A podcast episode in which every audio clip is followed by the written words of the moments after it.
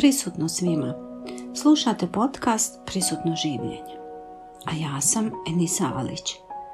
Sve o čemu ću pričati je proisteklo iz iskustva 25 godina opširno rada na sebi. Ali i kao majke troje djece. Ovaj podcast je tu kako bi vam pomogao da se snađete u uzbudljivoj avanturi života. Da, najblaže rečeno. Dobrodošli.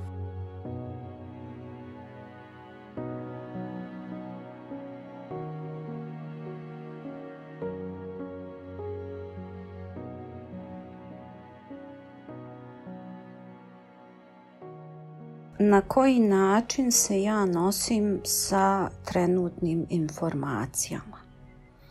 Informacijama u smislu znači svih medija, televizora, radija, Facebooka, Instagrama i svih ostalih platformi, poznatih i nepoznatih, pošto niču kao pečurke posle kiše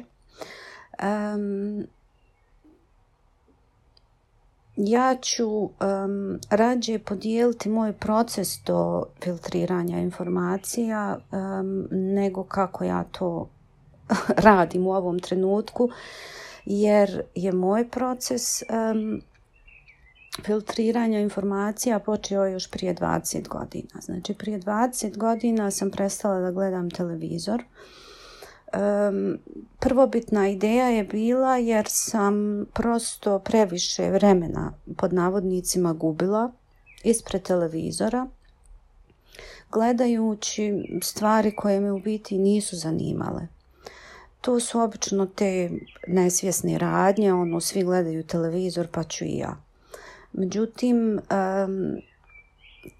bila sam trudna u, sa drugom e, trudnoćom mojom srednjom čerkom. I tu se desio neki preokret gdje sam željela to vrijeme kvalitetnije da provedim. Znači da ne provodim ispred televizora, nego da um, upotrijebim u biti za nešto što je mene ispunjavalo.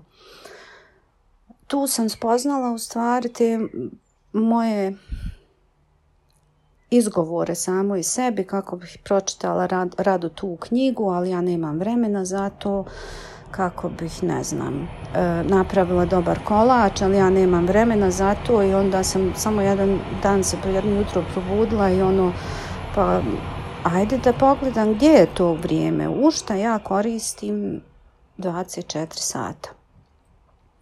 Da, radila sam, da, imala sam već jedno dijete, da, ali sve to nije izgovor za mene bio jer mi je prosto nedostajalo jako mnogo vremena. Tako da sam ja već prije 20 godina počela da filtriram znači te informacije koje su kroz medije pristezale do mene. Da li to znači da ja nisam bila ili da trenutno nisam informisana? Naravno da ne. postoje uvijek kanali koji mi biramo da pogledamo, isto tako kao i taj prirodni um, medijum, ne znam kako drugačije da nazovem, da informacije dolazi do nas i ako mi ne tražimo da znamo. Što znači dok odete na posao, 8 sati radite, čućete neke stvari pa ćete onda potražiti da pročitate o čemu se radi. Šta hoću da kažem da je jako bitno da pogledamo pažljivo to svoje vrijeme u što ga mi koristimo i da li možemo. To je prvo znači o čemu se radi. Naravno kroz godine da je postajalo sve više izazovnije. ja znam mojoj djeci reći da je prije 20 godina bilo sve mnogo lakše nekako, jer nismo imali te pametne mobitele, nismo imali, znači ja kad sam išla sa mojom djecom u šetnju, bila sam kod njih, ako su se igrale na nekom igralištu, ja sam imala knjigu pored sebe um, nije bilo izazova tipa telefona i ostalog interneta koji trenutno imamo. Mislim, treba osloviti to što je tako i napomenuti da niko od nas nije bio spreman e, na taj skok znači koji smo napravili u jednom trenutku gdje smo imali 24 sata pristupa bilo čemu bilo čem. E sad postoji jedna interesantna informacija je da e, današnji prosječan čovjek za sedam dana dobije više informacija za sedam dana jedan prosječan znači čovjek u današnje vrijeme dođe do više informacija nego jedan prosječan čovjek u 18. vijeku. ja to kad sam pročitala i naravno tražila odakle dolazi taj podatak i tako dalje, bila sam tako šokirana jer u biti naš mozak se nije promijenio od ljudi iz 18. vijeka. Ali mi kako jesmo. Znači za sedam dana mi dobijemo više informacija nego prosječni ljudi u 18. vijeku. E sad kad to se zaustavimo i malo razmislimo o tome, pitanje je koje su to informacije. Šta je to što je potrebno za mene i šta je to što ja mogu upotrijebiti za svoj razvoj. Najtužnije je da mi uopšte u većini slučajeva ne razmišljamo o tome i pristup, odnosno dotok informacija je konstantan. 24 sata. Pa zamislite vi samo koje je to opterećenje za naše nerve, za naš mozak, za...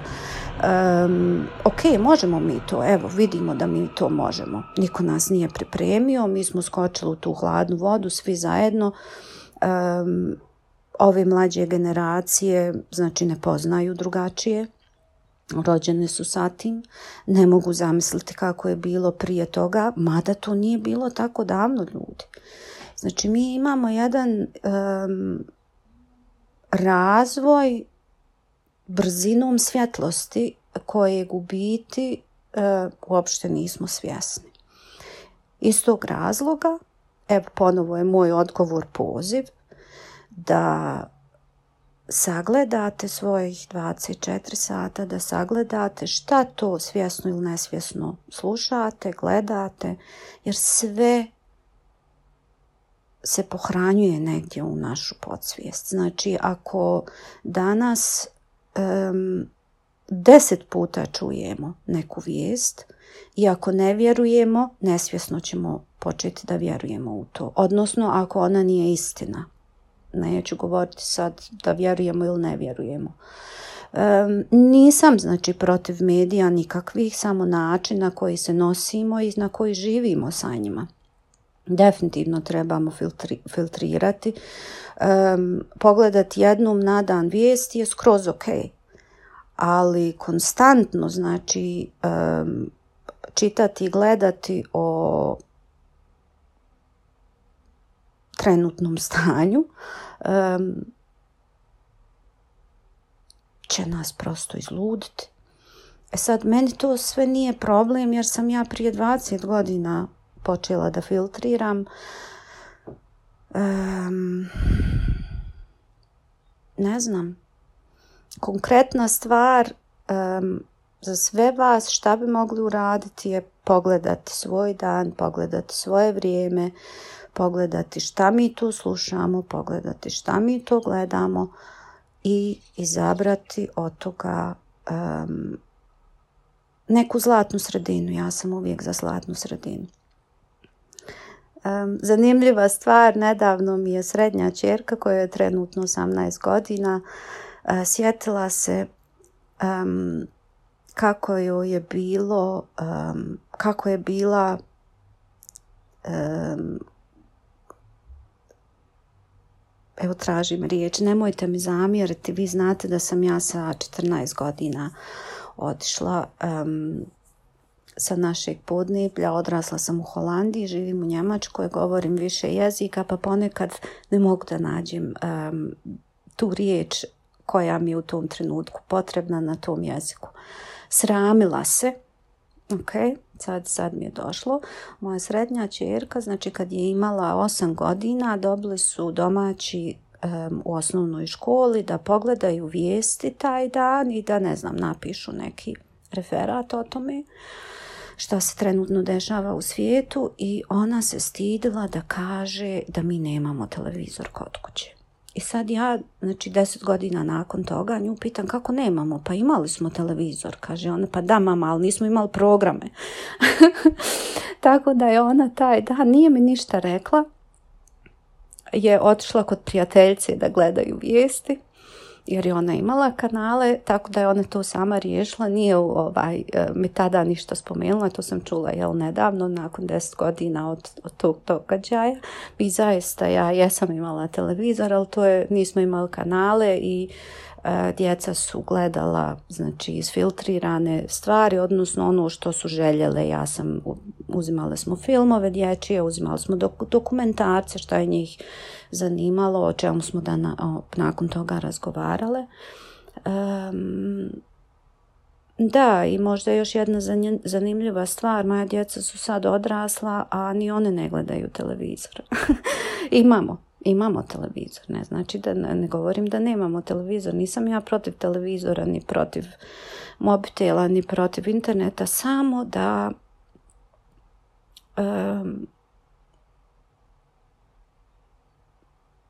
svjesno pogledamo na koji način mi to svoje vrijeme provodimo i šta, odnosno kakve informacije dopuštamo da dolazi do nas. Znači, doslovci dopuštamo. Jer televizor možeš da imaš, da ga upališ, a možeš da ga ugasiš. Prosto ne gledaš. Isto tako i sve ostale medije. Tako da je ovaj put, znači ponovo moj poziv, pogledajte šta slušate, šta gledate, koliko u šta vam prođe vaš dan i znam da ćete sami moći donijeti odluku koje promjene treba da se donesu.